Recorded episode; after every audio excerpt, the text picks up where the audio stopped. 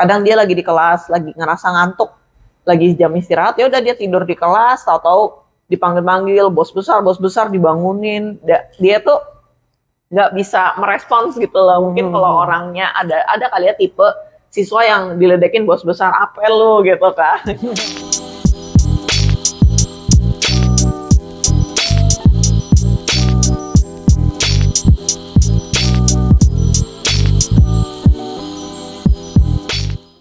Halo Saners. Saners, kembali lagi di, Di podcast podcast Bangku Remaja.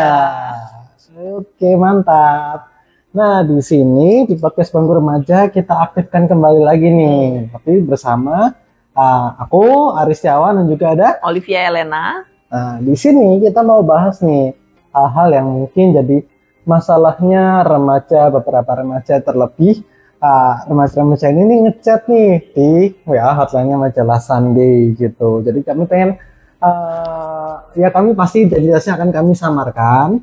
Ah, tetapi kami juga pengen nih kasih share pendapat kami ya semoga sedikit banyak bisa mencerahkan apa yang jadi ah, permasalahan kalian siapa tahu ada yang masalahnya mirip ya kalau Iya, siapa tahu bisa bermanfaat buat yang lain juga sharingnya. Betul. Nah, kali ini kita mau bahas tentang bullying. Betul. Aku Oh. bacain dulu ya chat yang masuk nih. Oke, silakan kali. Oke. Nah, eh, ini namanya aku samarin aja. Eh, tapi suatu hari dalam beberapa hari lalu ya kita dapat chat masuk nih dari salah satu pembaca Sunday. Dia sharing begini, kalau suatu hari di lagi libur nih, lagi di rumah gitu, akhir pekan.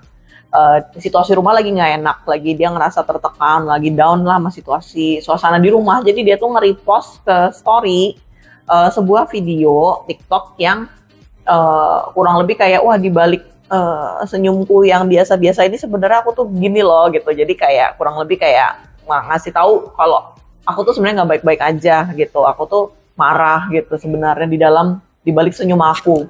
Kurang lebih pesannya seperti itu.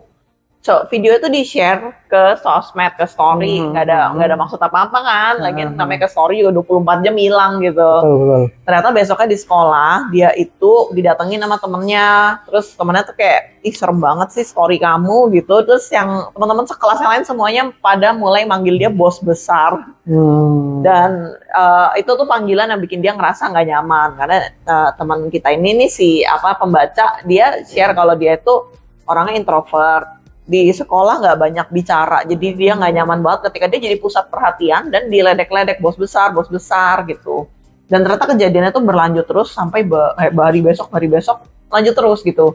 Kadang dia lagi di kelas lagi ngerasa ngantuk lagi jam istirahat ya udah dia tidur di kelas tahu-tahu dipanggil-panggil bos besar bos besar dibangunin. Dia, dia tuh nggak bisa merespons gitu loh. Mungkin Hmm. kalau orangnya ada ada kali ya tipe siswa yang diledekin bos besar apa lu gitu kan. Ini tuh uh, teman kita ini dia nggak bisa merespons uh, apa-apa. Dia lebih ke yang uh, dia sharingkan dia merasa malu.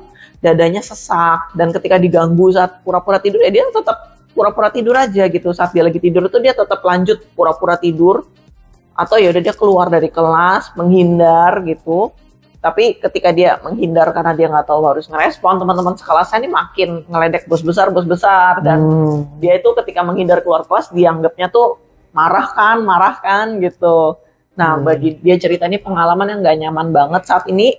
eh, sayangnya masih berlangsung ya, makanya dia chat kita gitu kayak gimana ya baiknya Min gitu karena masih berlangsung hal seperti itu. eh, dia makin tidak nyaman di sekolah gitu. Nah, dia nanya, menurut eh, kakak-kakak di Sunday ini termasuk bullying bukan sih? Gimana menurut Kak Ari? Nah, bullying itu kan macam-macam ya. Ah, ada yang bullying berupa kekerasan fisik. Nah, itu tuh yang serem juga tuh. Jadi ah, buat para sanars yang dengerin, yang nonton, am, sebagian dari kalian mungkin tahu tuh ada kasus di mana bullying fisik sis- sesama siswa main sled, di sledding gitu sampai akhirnya masuk rumah sakit terus meninggal gitu ya. Karena uh, sering melakukan bullying fisik itu tuh uh, ngeri banget. Uh, bahaya banget bisa mengancam nyawa bisa membuat uh, kondisi yang merusak tubuh segala macamnya. Itu ngeri banget. Walaupun memang dari zaman dulu pun gitu itu udah banyak kak. Ah, kalau cowok-cowok itu bullyingnya kayak kayak kayak Smackdown gitu. Oh iya. Nah, Heeh.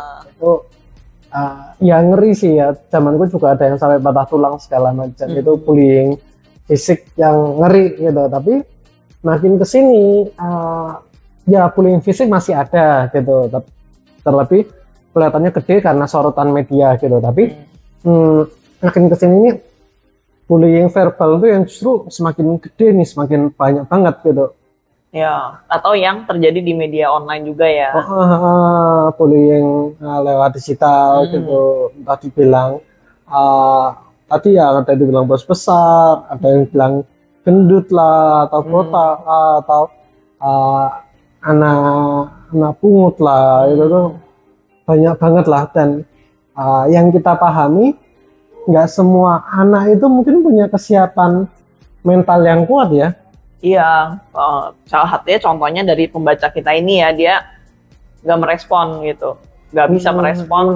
Bukannya kita menyuruh melawan juga sih, tapi kayak ada beberapa orang yang ketika diledek, dia bisa ngebalikin ledekan itu jadi kita ketawa bareng, Hmm, terus dia malah dianggap oh oke santai orangnya asik gitu. nih, nggak baperan nih gitu. Iya, tapi aku paham juga nggak semua orang bisa kayak gitu, karena orang juga karakternya warna karakternya tuh beda-beda gitu. Hmm, Nah itu yang mungkin jadi uh, masalah juga terkait uh, tingkat kebaperannya setiap kita masing-masing orang gitu, baik diri kita sendiri maupun orang lain tuh pasti beda-beda gitu. Hmm. Belum tentu aku bilang ah dasar kamu anak uh, bos besar gitu. Ya kalau aku dibilang bos besar ya senang-senang aja gitu. Tapi belum tentu orang lain ngerasa kayak apaan sih ini pasti ngebully fisikku ini gara-gara fisikku besar gitu. Hmm. Aku suka marah-marah, surat nyuruh-nyuruh gitu. Nah, mungkin ada yang kayak gitu gitu. Nah, Hmm. menurut aku sih eh, ini yang diter- diterima eh, yang terjadi pada eh, pembaca kita ini termasuk bullying secara verbal gitu sih. Dan Hmm. ya ya tadi kan sempat dikasih tahu kan ya ada dampaknya juga kan secara psikis gitu. Iya Dampaknya kan sih. macam-macam ya kak ya kalau bullying verbal. Iya sih, sebenarnya dan apa yang walaupun kalau bullying fisik itu kan wah ditinju kelihatan ya secara fisik Ah. matanya biru gitu. Nah Betul betul. sebenarnya bullying verbal itu uh, mungkin efeknya psikologis, jadi Hmm. nggak kelihatan secara fisik, tapi lama-lama gangguan psikologis kan bisa menjadi gangguan fisik gitu ya. Betul. Kayak misalnya kita kelamaan stres ya pasti sakit kepala, sakit mah gitu-gitu. Jadi ya semuanya saling terkait sih. Yang penting untuk dipikirkan adalah kan pasti nggak kamu nggak mau kan menerima perlakuan ini terus menerus dengan dan terus-terusan merasa nggak nyaman di sekolah gitu. Apalagi jadinya nggak nyaman belajar. Hmm. uh, sekolah jadi nggak beres segala macamnya gitu ngerasa sekolah itu kayak ya menyeramkan gitu kayak neraka gitu Nah, Iya. seharusnya sekolah nggak seperti itu kan ya Betul. Dulu kan eh, kalau teman-teman yang anak IPS mungkin inget ya di pelajaran sejarah tuh ada istilah taman siswa gitu, Oh. diajar dewantara. Karena dia tuh berpikir Hmm. ke sekolah tuh harusnya kayak ke taman gitu. Kita enjoy, kita relax, kita happy, kayak ke taman piknik gitu. Ha, ha. sama orang-orang yang feeling kita apa ya, bikin feeling kita tuh makin uh, happy Hmm. gitu Betul. Nah, ini curhat ada kelanjutannya nih. Jadi kita ada ngobrol beberapa hari ya sama pembaca kita yang satu ini gitu. Gimana kamu kelanjutannya? gimana gimana kak Nah, akhirnya em, dia ini sebut saja namanya A deh ya. Hmm. Si A ini bilang, "Ah, Min, aku akhirnya mau pindah kelas aja. Hmm. Cuman gimana ntar guru pasti nanya kenapa gitu. Eh, saya sih jawabnya saya nggak nyaman karena ada masalah dan mereka teman-teman sekelas saya kelihatannya toksik gitu. Eh, jadi dia mengajukan solusi kepada gurunya mau bilang dia bilang dia mau pindah kelas gitu karena udah ngerasa terlalu malu di kelas yang sebelumnya. Eh, dan ya betul yang dicari adalah kenyamanan waktu berangkat ke sekolah saat belajar dalam kelas kenyamanan itu udah hilang itu sebabnya dia berpikir untuk pindah kelas gitu. Eh, ya kita sih bilang ya eh, pindah kelas itu sesuatu yang bahkan di angkatan aku waktu SMA juga terjadi. Aku yakin di sekolah Kari juga ada aja Betul. yang kayak oh mau pindah, yaudah pindah-pindah gitu dengan berbagai alasan ada ya ya ya aku nggak cocok ternyata di jurusan ini masih bisa pindah nggak ke jurusan lain bukan misalnya. bukan fenomena baru lah ya Heeh, Gitu. betul. Jadi keputusan yang kamu ambil ini juga kamu nggak sendiri gitu. Kamu bukan satu-satunya yang mengalami bullying. Kamu bukan satu-satunya yang kemudian mengalami oh aku mau memutuskan untuk pindah kelas. Tapi memang pindah kelas tuh harus ada banyak pertimbangan masak-masak juga ya gitu. Betul. Banyak hal yang harus kamu pikirkan juga. Dan rasanya kalau pindah kelas itu uh, pasti kan kita ngomongin guru wali Mhm. entah atau juga guru BK gitu. Itu kan pasti dirapatin juga dibawa ke rapat guru gitu. Jadi uh, rasanya itu sudah isu yang oh ya mayoritas banyak guru uh, akhirnya tahu nih walaupun mungkin entah kedalaman ceritanya gimana tapi oh ya secara garis besarnya oh ya si A ini pindah kelas gara-gara ini gitu. Dan uh, guru di kelas yang baru wali wali murid di kelas yang baru. Eh bener ya wali Hmm. murid ya? Nah itu tuh kayak oh ya ya udah.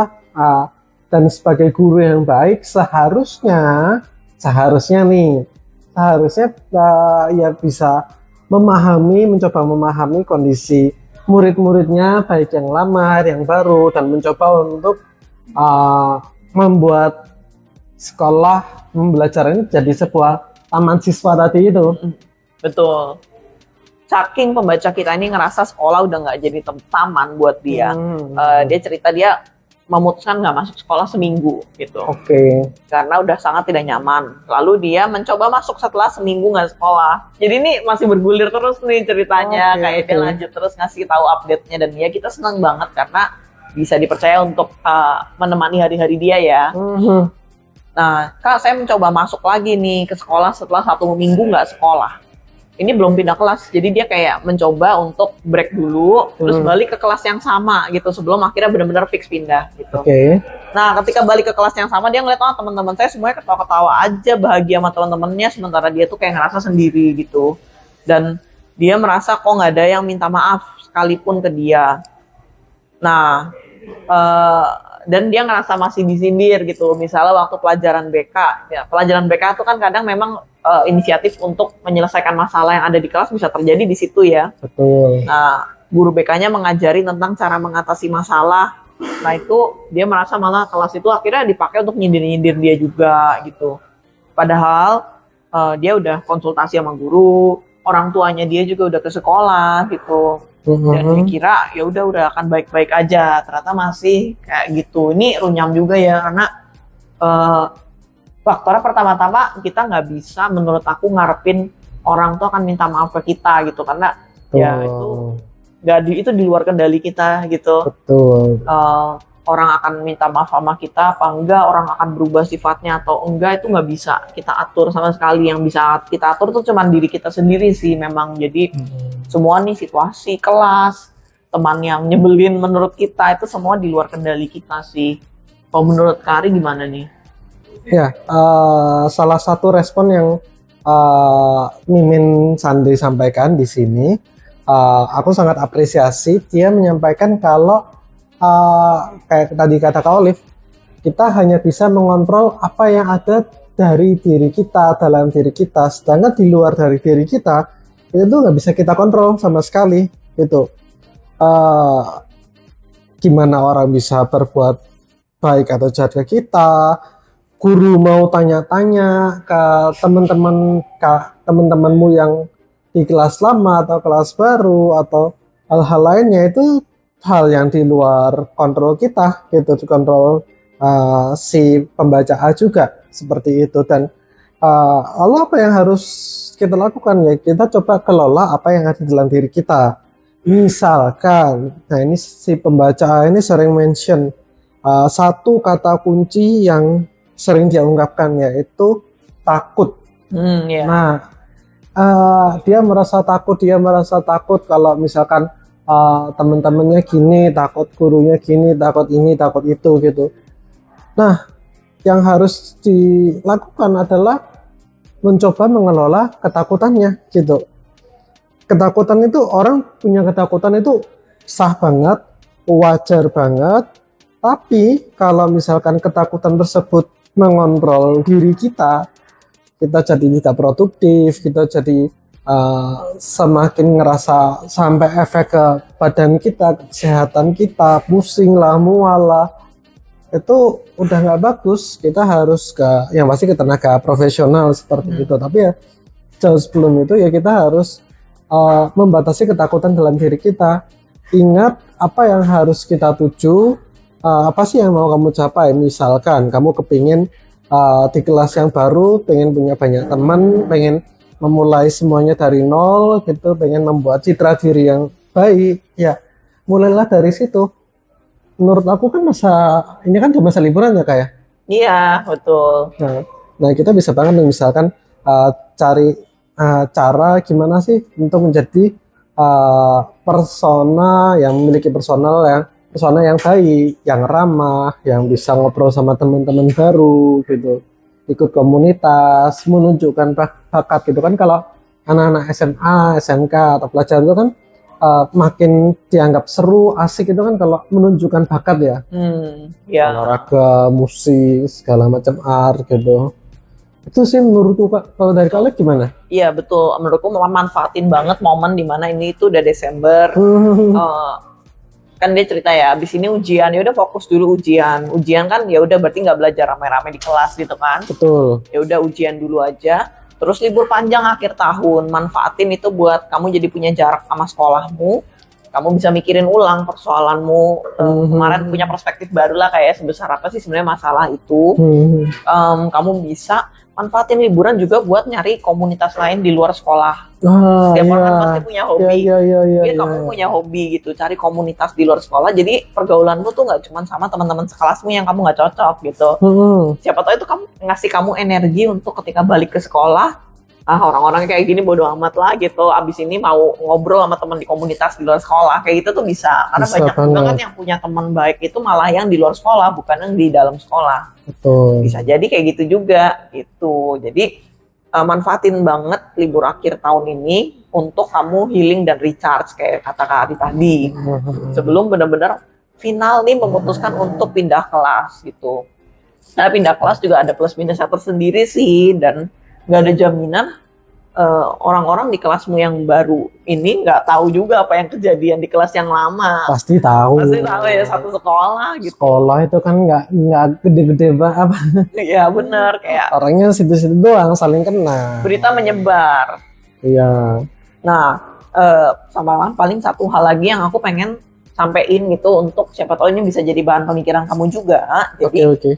dia eh, ada juga kan ucapan kayak eh, saya introvert dan pendiam itu sebabnya saya kena bully gitu.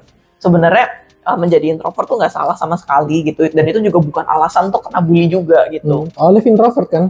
Lumayan. Nah, benar-benar. Aku juga kok. Hah? nah itu em, ya kamu pasti punya minat yang kalau kamu tekunin gitu kamu bisa nemuin kebahagiaan di situ Hmm. terus atau kamu sadar gitu oh kamu udah nggak peduli lagi ternyata sama bully yang ada di sekolah itu udah nggak bisa ganggu kamu lagi gitu karena Hmm. kamu memutuskan untuk fokus di uh, minat dan bakat kamu sendiri dunia kamu sendiri dan teman-teman yang kamu teman-teman baru yang kamu temukan di luar sekolah gitu jadi itu sama sekali ini sama sekali bukan masalah kok introvert. Bukan berarti terus kamu harus berpikir berarti aku harus berubah jadi ekstrovert nggak juga Wah, gitu. Nggak apa-apa. Tetaplah menjadi jati dirimu. Orang introvert tuh bukan berarti nggak nggak semua orang introvert tuh pasti dibully gitu loh kayak bukan gara-gara itu gitu. Jadi tetaplah jadi dirimu sendiri tapi yang penting yang diasah adalah keunggulan-keunggulan dari diri kamu gitu.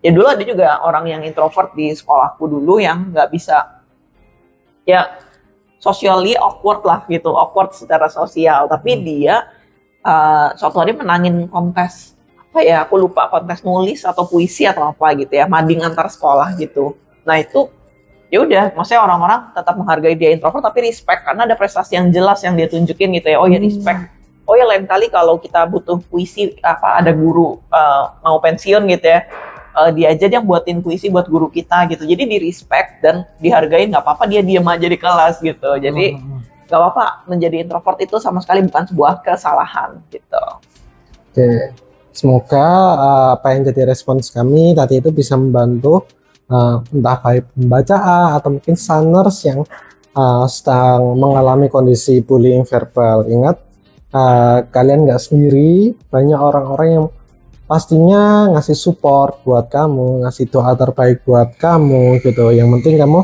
uh, juga berjuang gitu. Uh, jangan uh, terus menerus berada dalam rasa takut, rasa uh, cemas gitu. Itu wajar, tapi uh, berikan waktu juga batasan sampai kapan dan waktunya untuk kamu bangkit lagi. Itu aja sih rasanya kak. Betul, oke. Dari aku juga udah. Nah, semoga situasimu semakin baik dan buat teman-teman Sunners lain yang punya persoalan yang pengen dibahas juga di sini, silakan kirim chat ke nomor chat yang akan kita taruh di caption ya. Hmm. Oke, kalau Cek. kayak gitu. Hmm, cek juga ya konten-konten lainnya di majalahsantai.com. Betul. Oke, Terima kasih. thank you semuanya. Bye.